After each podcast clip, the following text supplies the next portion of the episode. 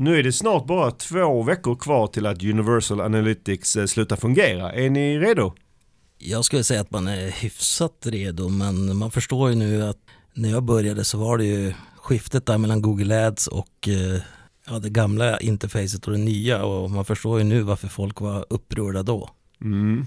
Jo, men jag skulle nog ändå säga att jag är förhållandevis redo för det här skiftet och uh, jag tycker väl att man upptäckt med tidens gång i och med skiftet till G4 att det kommer upp en del problematik men nej, jag får väl säga svaret eh, på din fråga att ja, jag är redo. Själv skulle jag säga att jag tekniskt känner mig hyfsat redo men jag är definitivt där, inte där mentalt. Eh, det känns fortfarande alldeles för jobbigt att gå in i GA4. Men men, jag är i alla fall redo för ett nytt avsnitt av Sökpodden. Du lyssnar på Sökpodden. En podcast för dig som gillar Google, SEO och SEM. Sökpodden görs av Pineberry. Varmt välkomna till avsnitt 95 av Sökpodden. Mitt namn är Mikael Wahlgren. Idag har jag nöjet att sitta här med Sondlard Berglund. Hej hej! Och Viktor Olenlid. hallå hallå! Idag bjuder vi som alltid på tre ämnen. Vi ska prata om viktiga färdigheter utanför Google Ads-kontot. Vi ska prata om migreringen av sökmotorkonsult.se och så avslutar vi med ett snack om AI-innehåll och ranking. Hur är läget med er? Jo, men det är bara fint. Det är skolavslutning och fint väder ute så att det är perfekt. Mm, kunde inte varit bättre helt enkelt. Ja, med mig är det bra också. Jag ska eh, strax här in på inspelningen av denna detta poddavsnitt iväg på en teamaktivitet. Så jag har en båt att förhålla mig till så vi hoppas på att inspelningen går så bra som vi får hoppas på. Ja, annars får du simma i kapp. Och det här är ju tredje gången faktiskt vi sitter i vår nya studio. De två förra gångerna har fått avbryta inspelningen och gå någon annanstans. Så vi hoppas att vi kan sitta kvar här hela inspelningen den här gången. Ja, men jag, jag tror det och då får vi väl också se vad, vad den här studion är kapabel till. Mm. Och med det så är det dags för dagens första ämne. Idag ska vi börja att prata om viktiga färdigheter utanför Google Ads-kontot och jag får faktiskt ganska ofta frågan om vad som krävs för att bli då bra på Google Ads och en ganska stor skillnad idag då mot sig för 10-15 år sedan är att det som man kan utanför kontot blir viktigare och viktigare för hur bra du är på att leverera ett bra Google Ads resultat. Håller ni med om det? Ja, men jag håller verkligen med dig. Det är, eh, alltså det, det är ju en stor skillnad nu mot bara, jag skulle säga för ett gäng år sedan när jag började, då var det väldigt så här kontospecifikt i form av ja, men dess, eh, dess olika inställningar. Och jag tror att en, en bra Google Ads-konsult eller specialist då var duktig på att hitta de diverse inställningarna och visste precis vilket bud och tweak man skulle sätta. Medan idag zoomar man ut kanske ett steg och tittar mer på någon typ av helhet där kanske det rent konto tekniska och det specifika sker ju mycket per automatik eller det, det, liksom, det, det seglar av sig själv medan vi måste, vi måste förse, förse Google Ads-kontot med annan typ av input och eh, dess information som inte Google Ads själv kan få reda på. Mm. För det är lätt att se om man säljer till Google Ads. Jag har alltid sett det som ett ganska slutet system, vilket har varit en fördel jämfört med kanske SEO då, att du kan göra allting i systemet. Du kan liksom kontrollera resultatet i systemet. Men det går ju inte riktigt längre utan du måste som du är inne på skjuta in så mycket information idag utifrån. Och det är därför de här skillsen eller färdigheterna utanför blir viktigare.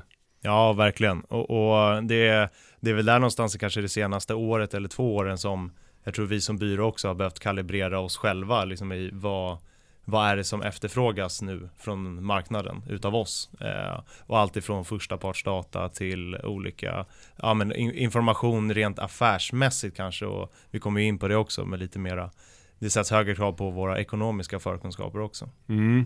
Och det här är säkerligen en trend som kommer att fortgå för mycket av det som gör att det krävs mer kanske input utifrån in i Google Ads är ju utvecklingen inom AI och maskininlärning. Och det är väl en, en, en ganska stor underdrift att säga att det inte är hett med AI nu så sannolikt kommer det här bara bli eskalera. Ja, men jag håller med dig i vad du säger, så det blir ju allt viktigare i vad du gör utanför kontot och vad du matar kontot med. Det, det är liksom det som kommer avgöra ett, ett bra eller ännu bättre arbete i Google Ads. Mm.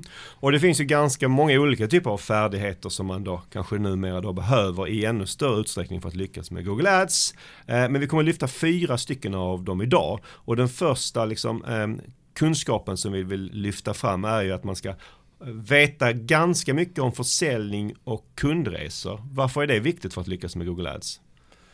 Ja, men jag tror det är viktigt att först definiera egentligen vart i, vad ska jag säga, i säljtratten eller i kundresan som vi vill rikta oss. Och Google Ads har väl den fina fina möjligheten eller egentligen sökmotorer överlag men att man kan rikta sig alltifrån informativa sökningar till ner, ner till mer kommersiella sökningar och där är det viktigt att ha den förståelsen i liksom vart någonstans befinner vi oss nu i vilka det är som vi vill angripa eller angripa men vilka vi vill nå ut till egentligen med vår sökordsannonsering. Det handlar väl också om att man vill kunna då, genom att ha kunskaper kring det här liksom kunna rikta annonseringen på rätt sätt och förstå liksom är det här high funnel sökord eller är det low funnel sökord för man, man strukturerar ju arbetet i Google Ads då kanske lite annorlunda och kanske också liksom vilken typ av budgivning man använder sig av. Verkligen, och det, det, skulle ju kunna vara så enkelt som att eh, i, i, en viss del av tratten som du är inne på med vissa typer av sökord, där vill vi kanske optimera mot ren trafik som vi sedan kan bearbeta i antingen andra kanaler eller via andra kampanjer inom Google Ads-kontot och då lämpar det sig till kanske en annan typ av sökord. Och eh, inte bara för att eh, prata om sökorden så även med målgrupper så har det blivit kanske än viktigare idag. Vilka målgrupper använder vi inom de olika delarna? Ja, men som jag ser det så, um, det här med att ha kunskaper kring försäljning blir ju på något sätt en nyckel för att kunna hitta, som vi varit inne på, rätt mål och i och med att mål och vad, hur man sätter det är så viktigt numera för hur Google Ads fungerar. Så är det liksom här, det här är en kritisk kunskap att ha med sig in när man sköter sin, eh, sitt Google Ads. Yes, helt enig. Sen kanske, om vi då lämnar försäljning, så det kanske viktigaste av alla färdigheter, i alla fall av de här fyra, om ni frågar mig, kanske beror lite på var jag kommer ifrån. Det handlar om ekonomi. Vad, vad säger vi här? Varför är det så viktigt? Ja, men jag tror att ek ekonomi och Google Ads eller marknadsföring överlag ligger ju väldigt nära till hands. Jag trodde kanske inte när jag började med, eller började här på Pineberry, att ekonomi låg så pass nära marknadsföringen som det faktiskt gör. Och jag tycker att det har nu med åren satt en ännu större spets i, i de ekonomiska kunskaperna man behöver ha mm. när man jobbar i kontot. Men och jag måste vara ärlig att jag är lite, jag kommer, jag är ekonom från början så jag kommer kanske, jag är mer ekonom än marknadsförare från början så för mig är det här kanske lite mer naturligt. Men jag har alltid under alla mina år varit lite förvånad över hur generellt sett dåliga marknadsförare är på ekonomi. Vilket då blir ett problem i ett system som Google Ads där det är så viktigt att kunna ekonomi. Och, och, jag tycker man märker det här, jag menar nu representerar vi ändå en byrå där vi jobbar med x antal företag och, och, och partners. Eh, att det, det, är blandade kunskaper just hos marknadsförare idag. Men sammanfattningsvis så är det ju ekonomin ligger väldigt nära till hand. Så det kan vara ett sånt, tycker jag, eh, förhållandevis enkelt exempel som att man ofta i dialoger inser att man vill uppnå både tillväxt och lönsamhet, vilket kanske är två axlar som inte alltid går, går hand i hand och då, då måste man ju kunna förstå dels skillnaden men också vikten av vad det är man behöver prioritera.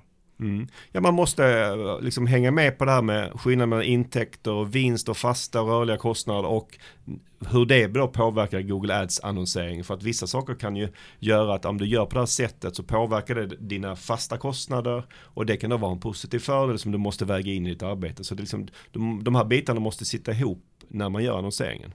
Ja, som du är inne på det här med, med, uh, ja, men diverse kostnader och, och dylikt. Så det är en hel ekvation för, för när man ska starta upp delvis ett, ett nytt samarbete. Eh, eller säga att vi ska starta upp ett nytt Google Ads-konto eller vi ska hjälpa en kund som har haft ett befintligt men att man börjar från noll där man nästan det, det är ju en väldigt stor punkt innan man ens börjar annonsera att få de här bitarna på plats. Mm. Och jag har ett exempel här, ett ganska färskt exempel som jag hörde talas om, som också som handlar lite om det här att eh, man inte bara kan hålla sig inne i Google Ads-kontot. För då hörde jag om en, eh, en, eh, någon som hjälpte någon att annonsera på Google Ads och de hade då satt deras mål-CPA utan att ens fråga kunden. Och för mig det är det ett bra exempel på att då har man kanske inte riktigt 100% koll på hur viktig ekonomin är för, för Google Ads och hela alltet att fungera. I det fallet som vi hörde då så hade de satt deras målsöt på utifrån, de hade först kört eh, manuell budgivning och så hade de då CPC och så hade de fått fram, okej okay, det här är den CPO vi får fram.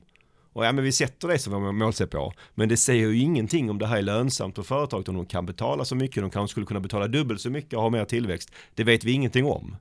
Eh, och det är de här sakerna som man måste ha koll på som Google Ads-konsult.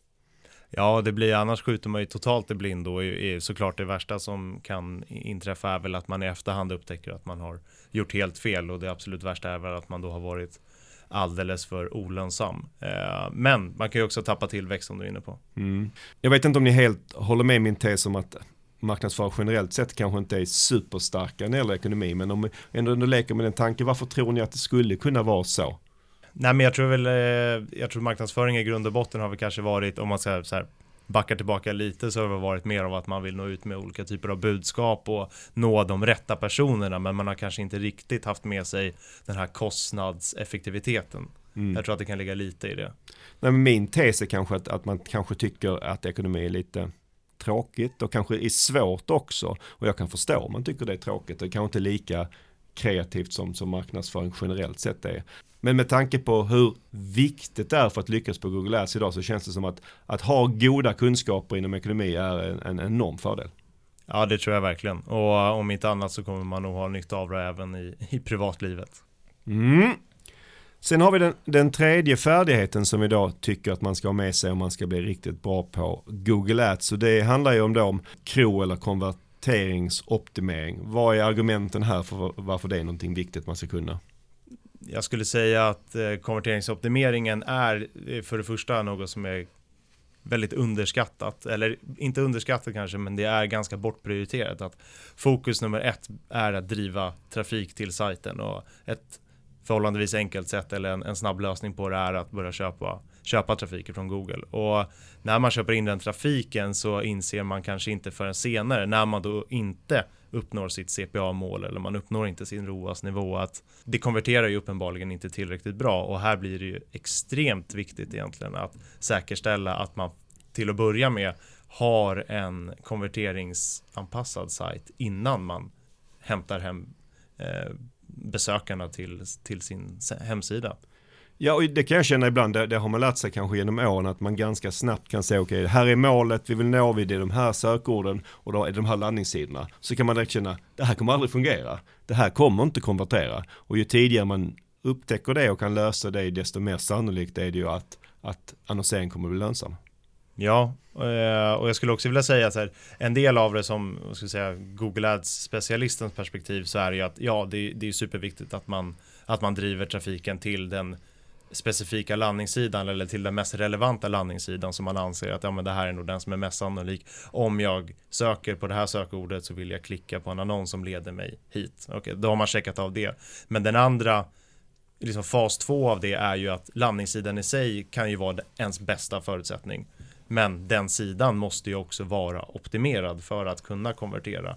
Och jag tror det här är som Google Ads specialist så är det viktigt att ha den i alla fall grundförståelsen till att varför konverterar det eventuellt inte så bra som man önskar. Mm. Och det, det, här har ju blivit på något sätt viktigt, det har alltid varit viktigt med att konvertera såklart så att man kan Google Ads annonsering blir lönsam. Men med tanke på att vi har gått, liksom, om vi tillbaka bandet lite, lite längre, har gått från kanske en CPC-budgivning till en budgivning som är väldigt beroende av konverteringar. Så att får du inte in konverteringarna så dels så tjänar du inte några pengar i slutändan men framförallt så får du inte algoritmerna att jobba för dig. Så det finns liksom dubbla skäl till att få liksom konverteringsflödet att fungera som Google Ads specialist. Ja, det håller jag verkligen med om. Mm. Den sista färdigheten av våra fyra är spårning och eh, mätning. Ja, det, det kommer ju lite som vi inledde avsnittet med. Det kommer bli lite eldprov här nu när eh, UA försvinner. Eh, och det, det gäller väl för alla oss som jobbar med Google Ads. Mm. Och hela det här har ju blivit mer komplext genom alla år, eh, till exempel på med, med cookie-geddon, att UA försvinner, GDP och alla andra former av regleringar. Så gör att det, det är ett ganska komplext område att kunna. Ja, det är, det är väldigt mycket att hålla reda på och jag ska vara ärlig med att jag, jag själv har, jag har nog inte koll på precis allting och vad som är best practice och det finns, det är nog få personer som sitter på en sanning för samtliga eh, områden. Ja, och det finns ju liksom, det är ganska många saker man måste hålla reda på. GA4, Google Ads Conversion Tracking, andra typer av mätverktyg för att liksom kunna förstå hur allting eventuellt hänger ihop. Mm. Och, och, jag tror, eh, nu kanske jag talar lite ur eget perspektiv, men jag tror att eh, vill, man, vill man vara den här riktiga spjutspetsen inom Google Ads så tror jag att spårningen kommer vara definitivt en av de viktiga eh, ämnesområdena att ha koll på framöver. Och kan man det här med ekonomin men i kombination med att ha det här eh, in, genuina intresset för spårning så tror jag att man kommer komma väldigt långt. För jag, jag vill nog påstå att spårning är ett intresse för sig jämfört med kanske traditionell marknadsföring och, och målgrupper och hela den biten. Det är sällan en och samma person har de här två intressena. Och sen för att göra det ännu mer komplext här så kan man ju lägga på alla former av attributionsmodeller. Du var inne på att det finns inte en sanning. Attributionsmodellen gör ju att det finns absolut massa typer av sanningar. Så det är ett väldigt komplext område som man på något sätt ändå måste ta till sig. Ja, attribution, det, det, skulle man ju kunna prata om i, i timmar egentligen, men det, det, där tror jag den bland de viktigare dialogerna vi har, förutom målsättningsdialogen med våra kunder, så är det just attributionen också. Vart, vart eller vilka kampanjer eller vilka kanaler ska, ska få credit i en eh, kundresa. Mm. Du var lite inne på det här, men är det rimligt då att man som Google Ads specialist även då ska vara expert inom de här fyra områdena? Ska man liksom vara en revisor ovanpå allt? Är det det vi säger? Nej, jag tycker kanske inte att man behöver vara en revisor nödvändigtvis, men, nej, men, men jag, tror, jag tror på riktigt det finns en anledning till att vi har valt ut de här fyra ämnena och jag tror mm. man ska ha en, en god grundförståelse i det och jag är, jag är övertygad om att man kommer inte vara bäst inom allt eh, när det gäller de här fyra kategorierna som vi har valt ut. Men man ska ha en god grundförståelse och så kan man fördjupa sig inom ett par av dem. Vi kan väl ta mätning och spårning som ett exempel som vi pratade om. De som jobbar hos oss som eh, Google Ads-konsulter förväntas att ha en förståelse för, för just det här. Men sen har vi också webbanalytiker som hjälper till med de svåra och kluriga sakerna. Ja, och där är det något som vi har har märkt också senaste, kanske ett, två åren, men definitivt senaste halvåret, just när du nämner våra eh, webbanalytiker och spårningsexperter, att de behövs mer nu än någonsin. Mm. Men det är väl ett ganska bra exempel att man kanske, man behöver inte vara superexpert inom alla de här fyra områdena, men man måste ha en grundläggande förståelse och sen får man väl ta in kanske hjälp på de svåra eh, grejerna. En sak till som jag tänker kring det här är att Betyder det här, den här utvecklingen att man måste kunna mer utanför Google Ads-kontot? Att man ska vara mer av en generalist än specialist? För jag gillar själv tanken på att vara specialist. Jag tror att det kommer, det, det, jag vill påstå att båda, båda typerna av, om vi ska säga personer kommer fortfarande vara aktuella för framtiden inom Google Ads. Så jag skulle nog kategorisera mig själv som en mer generalist. Jag, jag gillar att eh, kunna beröra fler, flera olika ämnen och först ha förståelsen för hur allting hänger ihop. Men samtidigt så märker ju ibland våra kollegor att vi har ju olika, vad ska vi säga, persontyper egentligen mm. inom samma eh, arbetsområde. Eh, och specialisterna är ju verkligen Alltså det, det är nyckelpersoner inom vissa frågor. Jag vet till exempel att kollega nummer två han eller hon är expert inom spårning och då kan jag verkligen vända mig till den personen medan jag kanske är den som förstår helheten på ett annat sätt och vet vilka typer av frågor jag ska ställa och, och så vidare.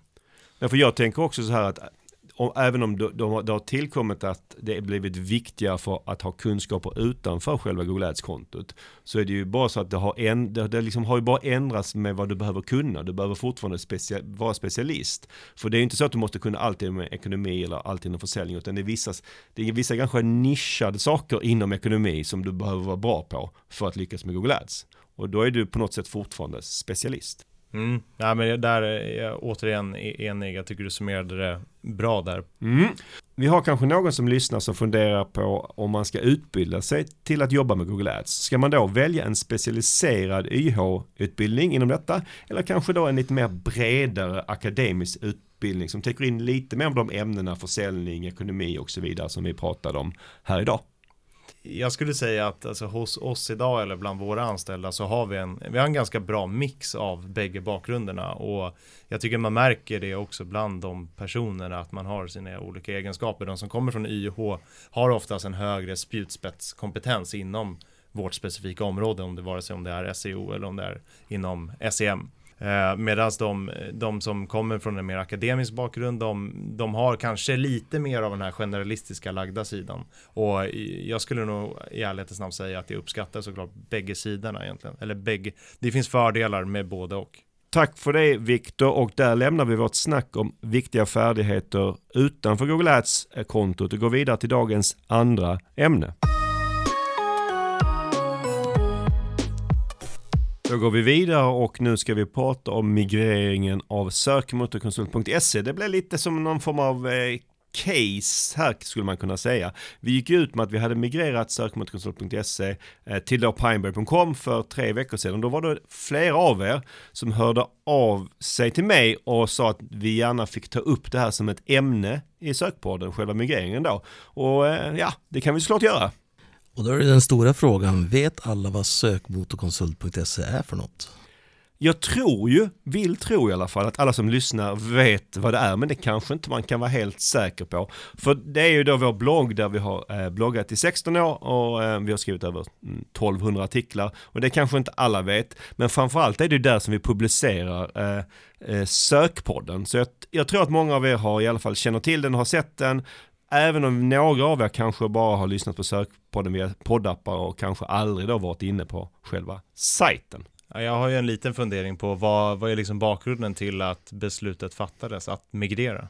Man, om man backar tillbaka bandet jättelångt, och det här kan jag nog ha berättat kanske någon gång i något avsnitt när vi har pratat om det här tidigare, att anledningen till att vi har två sajter från början var liksom en liten teknisk anledning och det här var ju 16 år sedan. Då hade vi först primary.com, var vår, det var vår företagssajt, den var byggd i ren HTML, där kunde vi inte blogga. Så slängde vi upp en annan Wordpress-sajt väldigt snabbt på sökmotorkonsult.se det här är lite den förenklade historien så här i efterhand. Och så har vi haft två sajter eh, under alla dessa år. De har liksom kanske med åren blivit lite mer likriktade men vi har också sett fördelar med att ha två sajter. Till exempel så kan du eh, teoretiskt sett ranka med dubbla eh, resultat i, i SERPen om du har två sajter. Men de senaste fem åren så har vi väl kanske känt att ah, vi borde slå ihop dem. Samtidigt har jag känt att det är en ganska jobbig migrering att göra. Du vet, då drar man sig lite för det. För det har ändå funkat ganska okej okay av de två sajterna. Men eh, nu var det dags att göra det äntligen då. Var det av eh, SEO-skäl som vi slog ihop sajterna? Nej, det skulle jag nog inte alls säga. Huvudskälet var eh, snarare kanske ett kommunikativt skäl. Alltså vi vill samla all trafik på en sajt, vilket gör att det blir ännu enklare att bygga vårt varumärke. Nu tror jag att kanske att de flesta som är inne på sökmotorkonsult har förstått att det är Pineberry som står bakom. Det har ju varit hyfsat tydligt men det blir liksom ännu tydligare nu. Jag tror också det kommer kanske hjälpa oss i konvertering och så vidare. Så det är snarare liksom av andra skäl än, än rent SEO. Sen hoppas vi såklart att det, att det i alla fall inte ska försämra SEO och kanske till och med förbättra det men det är inte huvudskälet. Och hur ska den kunna förbättra SEO? Alltså som jag ser det lite som den här, det finns ju någon form av eh, kalla det en, en ankdamm av sajter inom digital marknadsföring här i Sverige. Och där är ju både Sökmotorkonsult och Pineberry två starka sajter. Och frågan är då, det här är en ganska intressant fråga, vad händer om man slår ihop dem? Är det så att 1 plus 1 blir 2? Eller är det så att 1 plus 1 blir 1,5? Eller blir det 2,5? Eh, vi hoppas ju såklart att det blir minst 2 och kanske lite, lite mer än så. En tänkbar fördel skulle kunna vara att Pineberry.com som är väl som företagssajt som där har inte tillkommit lika mycket nytt innehåll hela tiden som det har gjort på vår blogg. Men nu liksom kombinerar vi det så nu kommer vi ha en sajt som hela tiden får mer innehåll på ett annat sätt än, än tidigare. Och en, fråga från mitt håll då som i, eh, nu exponerar mig här i form av att jag är inte så tekniskt lagd sett till det här samtalsämnet. Men vilka, vilka var nycklarna egentligen då för att lyckas med den här migreringen?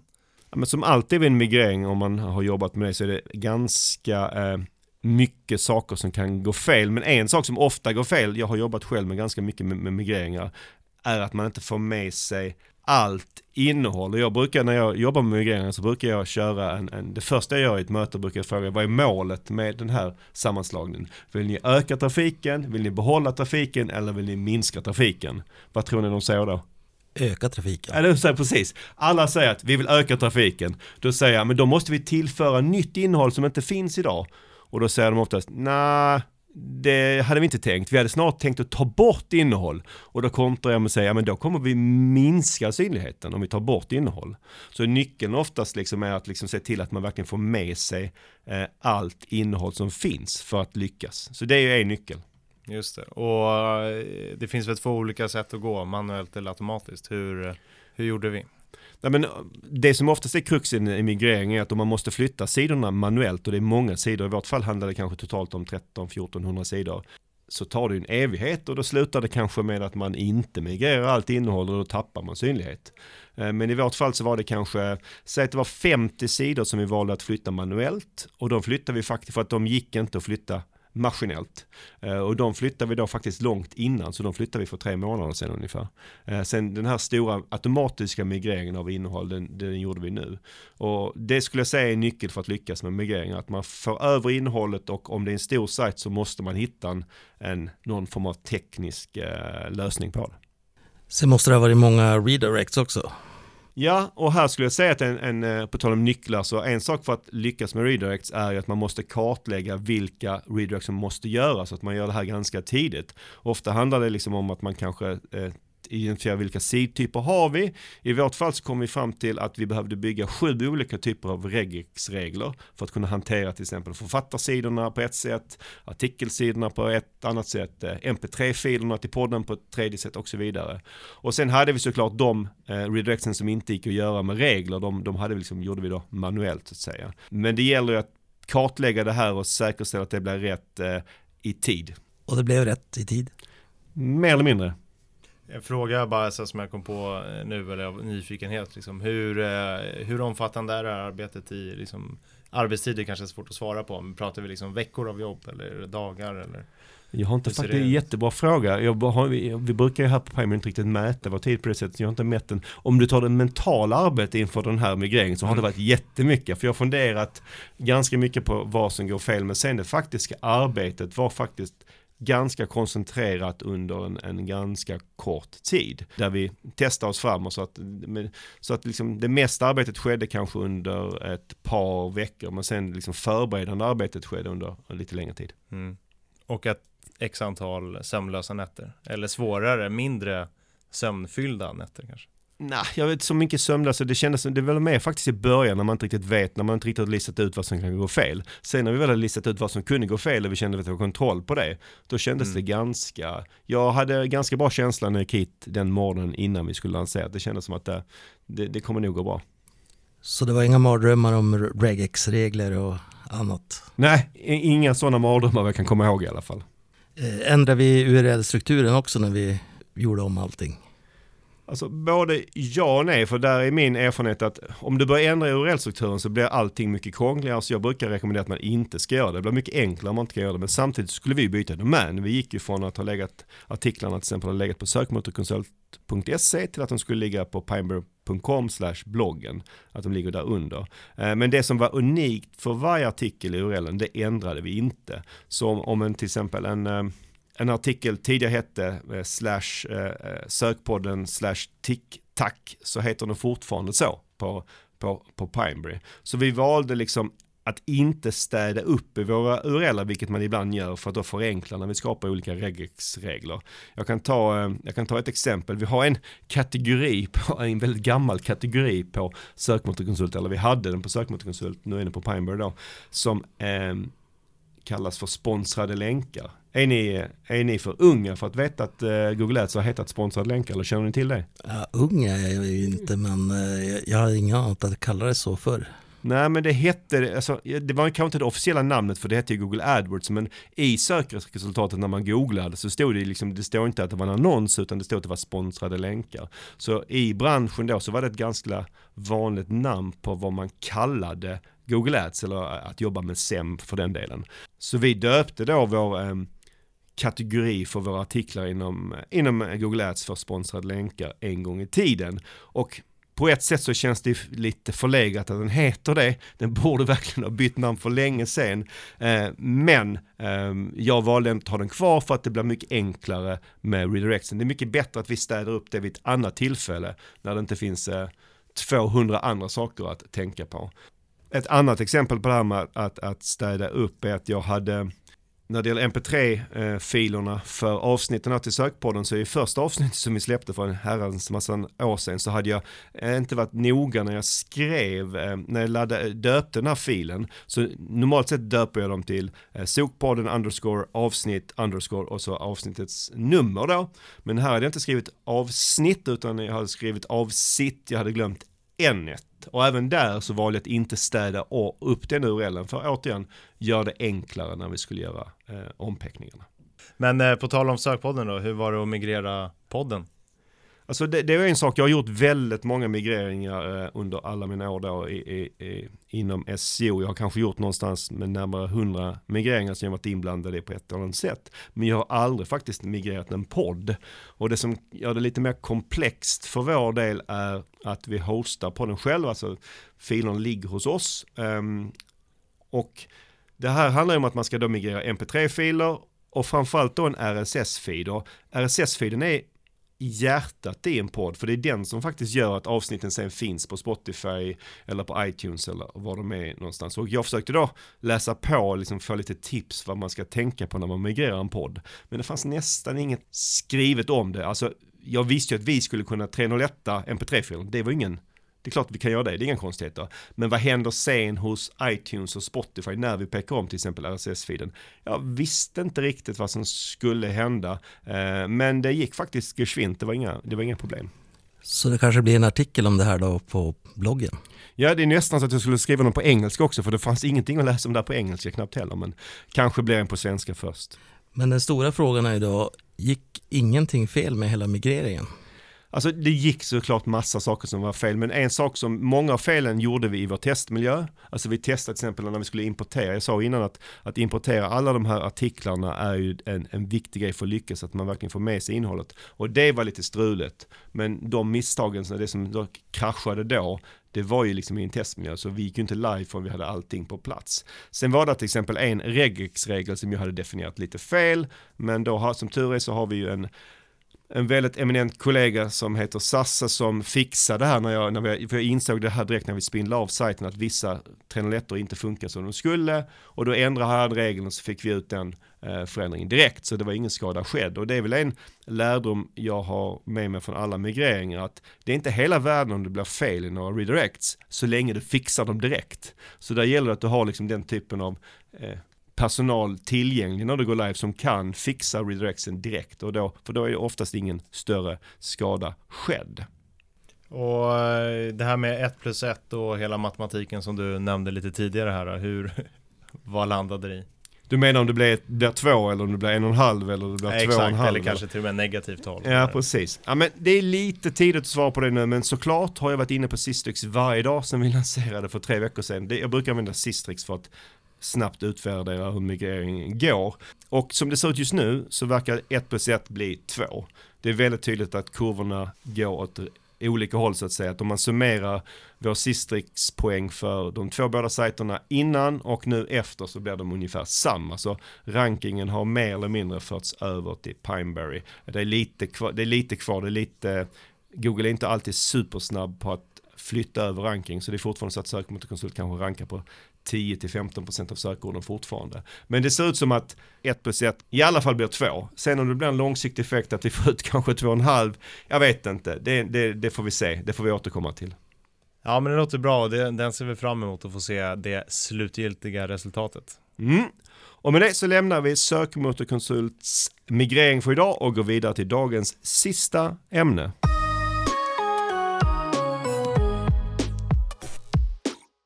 Det går väl knappt att ha ett avsnitt av Sökpodden numera utan att prata AI och idag tänkte jag att vi skulle avsluta att eh, prata om AI-innehåll och närmare bestämt om det rankar. Och det vet jag att det är en fråga som många undrar just nu. Ja, det är den stora frågan på allas läppar just nu skulle jag säga. Och det är många som testar och många som har testat nu senaste året också. Och AI-innehåll har ju blivit betydligt mycket mer tillgängligt nu med hela ChatGPT-vågen. Ja, för det var ju faktiskt så att du och jag, Sondlad, eh, vi satt ju här i Sökpodden i avsnitt 82 för ett drygt år sedan och då pratade vi om maskinskrivet innehåll och huruvida det är rankade och då hade vi ingen aning om ChatGPT och det är ganska mycket som har hänt sedan dess. Verkligen, och det är ju många SEO-are som använder sig av maskinskrivet innehåll då och jag är en av dem som också gjorde det och gör idag. Men med ChatGPT så har allting blivit mainstream och väldigt accepterat. Och nu säger ju till och med Google att AI-innehåll är helt okej okay så länge det är en bra kvalitet på det. Ja precis, Google vill ju att det ska vara kvalitet på det. Men de säger ju också en sak till, det är att det inte bara får vara skrivet för sökmotorer. Och hur avgör de det på bästa sätt då? Det är en väldigt bra fråga skulle jag säga. Och det är ju svårt att, att se hur de ska kunna lista ut det. Ja, och dessutom om, om du får med så är det lite bakvänt för att det är ju människor som googlar som använder Google. Och så när du skapar innehåll som ska kunna hittas på Google så skapar du innehåll för människor. Så jag kan inte riktigt se att det finns ett enda scenario där du bara skapar innehåll för sökmotorer. Så jag tycker att det är en konstig grej och som Sondlad är inne på, jag har lite svårt att se hur man verkligen ska kunna mäta det. Så det vi kan konstatera är att det är betydligt mer accepterat med AI-innehåll idag och det är mer till, tillgängligt. Då är kanske den stora frågan om det rankar och om det rankar bra. Och här tänker jag att vi skulle börja i en artikel av Kevin Indig eh, som jag länkar till i avsnittsartikeln om någon vill läsa den. Där han undersökte och konstaterar att AI-innehåll rankar lika bra som innehåll skrivet av en människa. Vad är det han har undersökt för någonting? Eh, I artikeln så undersökte han eh, AI-texter på tre sajter och det var bankrate.com, cnet.com och eh, creditcards.com. Och de är ju tre stora etablerade sajter som alla har varit öppna med att de experimenterar med AI-innehåll. Och för mig då som inte är heller i det här ämnet superinsatt, hur undersökte han om det rankade bättre än ett mänskligt innehåll? Nej, det gjorde han väl egentligen inte utan hans slutsats är ju lite stretchad. Det han gjorde var att kolla om de AI-skrivna texterna eh, rankar och om de driver bra trafik. Och det gjorde de. Men eh, han jämför ju inte med artiklar som är skrivna av människor utan han, jag tolkar det mer som att han drog den slutsatsen av sig själv baserat på hur, hur innehållet rankade.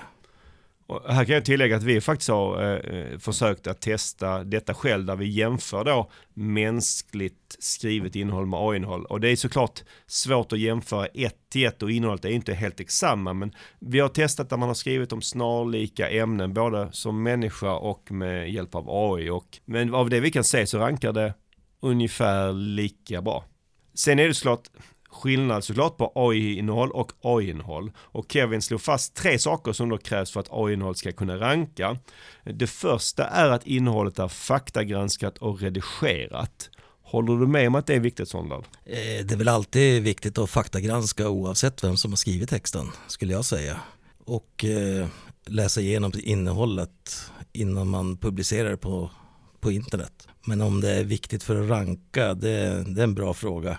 Jag upplever nog att eh, teoretiskt så kan man ranka utan att göra det. Även om jag inte skulle rekommendera att man testar det. No, det handlar väl kanske såklart också om hur illa texten är om man inte faktagranskar den. Är det supermycket faktafel så kanske Google ser det och därför får den svårt att ranka. Men om det inte finns så jättemycket faktafel i den så kommer det sannolikt inte spela någon roll. Eh, och vissa ämnen så är det ju viktigare att man eh, faktagranskar än till exempel skulle skriva om ett eh, dricksglas så kanske det inte är jätteviktigt med att faktan ska vara hundraprocentigt korrekt. Nej. Eh, hans andra punkt var att domänen då som innehållet publiceras på är ansedd, det vill säga har någon form av auktoritet och förtroende då i Googles ögon. Vad säger vi om den här punkten? Är det viktigt för att kunna ranka sitt AI-innehåll? Det är väl lite samma sak här tänker jag att det är mycket enklare att ranka innehåll som är på en, en trovärdig sajt men jag har rankat på, i och för sig inget sånt där svårt ämne då, som ekonomi och sånt där, men det går att ranka på en sajt som inte är trovärdig. Så du skulle säga att det är inget krav att AI-innehållet måste publiceras på en sajt med trovärdighet. Du kan få det att ranka ändå, även om det såklart är en fördel om det är på en sajt med hög trovärdighet. Absolut. Jag skulle säga att eh, en trovärdig sajt är bättre, men det funkar med låg en sajt som har låg trovärdighet också i Googles ögon att ranka på just eh, AI-innehåll. Mm. Tredje punkten på hans då lista var att AI-innehållet måste vara fokuserat kring tydliga frågor som enkelt går att svara på. Han hade då ett exempel, ska jag dricksa hantverkare? Det är förvisso ett väldigt amerikansk, en amerikansk fråga, men det är ändå en fråga som det går att ge ett tydligt svar på. Hur tänker vi kring det och AI-innehåll? Eh, det skulle jag säga är kanske den bästa av de tre punkterna han tar upp. För det är viktigt att förstå att AI-innehåll kanske inte passar all typ av innehåll. Men till eh, kategorisidor eller för att göra unika produkttexter så funkar det klockrent. Men det är inte lika självklart om man eh, skriver en krönika som kräver mycket åsikter och, och kanske inte svarar på någon tydlig fråga. Och detta då var eh, Kevins tre punkter för att få AI-innehåll att ranka och som vi delvis höll med om, delvis kanske inte lika mycket eh, höll med om. Har du någon egen punkt där som du vill addera Sonlad? Ja, jag skulle säga att eh, just hur man skriver prompten är avgörande för kvaliteten på, på den text som du får ut av själva ChatGPT eller vilken tjänst du nu använder är otroligt viktig för vad du ska få för output. Och hur skriver man då en bra prompt som gör att man kan ranka med innehållet? Det handlar om att eh, vara så detaljerad som möjligt och förklara för ChatGPT då vad man faktiskt vill ha. Att till exempel att jag vill att du ska vara en e-handels SEO-expert som skriver övertygande produktbeskrivningar för användare som vill köpa online. Eh, sen även att eh, man är specifik och konkret att hur man vill att texten ska utformas. Att man vill eh, inkludera liknelser, metaforer, undvika upprepningar. Sen även att vill du även få med i prompten att de här olika SEO-aspekterna i det. Att, ja, men till exempel att det här är mitt primära sökord, jag vill att det ska nämnas si och så många gånger i texten och här är mina sekundära sökord, de vill jag också få in i brödtext och rubriker där det är möjligt. Ja, sen är även eh, hur man vill att texten ska skrivas. Liksom. Vill du ha en punktlista med så skriver man in det. Vill man ha en FAQ så var specifik, liksom att jag vill ha tio FAQ-frågor i slutet av texten. Poängen är ju att eh, ju tydligare instruktioner man ger till ChatGPT desto bättre blir ju texten. Och en viktig sak kan väl också vara i prompten att beskriva saker som man inte vill ska ha med, eller hur? Ja, man kan göra det, men jag skulle undvika att skriva för mycket inten. För när man läser igenom hela vad de skriver i deras dokumentation så ska man undvika. Du kan skriva det, men det ska inte vara för mycket inten i själva prompten. Mm. Eh, som en liten avslutande eh, fråga. Om vi nu tycker oss kunna konstatera att det går att ranka med AI-innehåll, tycker du då att alla företag ska börja ta fram sitt eh, innehåll med hjälp av AI? Ja, eller man borde i alla fall fundera på det. Det finns ju såklart eh, en massa sajter som det är lite tveksamt om de ska använda sig av AI-innehåll. Och en sajt som 1177.se kanske inte känns klockrent med AI-texter. I alla fall inte om, det, om man inte granskar och redigerar det och verkligen faktagranskar sin text innan man publicerar den. Och det handlar ju inte om att allt innehåll på en sajt ska vara AI-innehåll utan man använder AI till det innehåll där, där det skapar en fördel och, och har innehåll skrivet av människor där det gör mest nytta. Om man till exempelvis tänker sig att man vill göra sina produkttexter eh, unika som man får av sin leverantör så om man vet om att det här kommer att användas av både mig och andra e-handlare så är ju AI klockrent för att göra dem unika. Och det gör ju så att man slipper ett supertråkigt jobb och faktiskt får dem unika. Ja, och det är sannolikt i det fallet också så att en AI kanske till och med gör det bättre än en människa i och med att det är så tråkigt så att en människa kan inte kanske hålla koncentrationen uppe och skriva om produkttexter, liksom 10 000 olika produkttexter. Nej, sen går det betydligt, betydligt fortare också och be en AI skriva alla de här tusentals texterna. Mm. Tack för det Sonlad och med det så avslutar vi vårt snack om att ranka AI-innehåll och det är dags att avrunda dagens eh, avsnitt. Som alltid, har du tankar eller feedback på dagens avsnitt då når du oss eh, på sokpodden at pineberry.com och våra trogna lyssnare vet att det nu är dags för ett sommarlov för Sökpodden. Vi släpper ju ett avsnitt i månaden, men vi har alltid ett uppehåll i juli. Då är vi på stranden istället. Har ni några storslagna sommarplaner förutom att vara på stranden? Ja, det var förutom att vara på stranden. Jag tänkte säga att jag, att jag ska till stranden. Eh, jag, jag, ska till Spanien. Det blir lite revansch i år. Jag, jag försökte ta mig dit förra året. Jag hade bokat flygbiljett och, och hela den biten. Men jag fick, trots att jag var ute i god tid, fick jag aldrig mitt pass i tid. Nationellt ID var inget alternativ och så vidare. Så jag håller tummarna för att ändå komma dit. Mm, det låter bra. Vad säger du Sondal, har du någon sommarplan? Nej, inga speciella egentligen, men det blir det vanliga upp till Norrland. Ska kolla på Håkan Hellström på Pite havsbad nu 8 juli när han spelar på stranden där så att det ska bli kul. Mm, det låter alldeles förträffligt. Tusen tack för att du lyssnade idag. Ha en alldeles underbar sommar så hörs vi igen i augusti. Tack och hej! Glad sommar!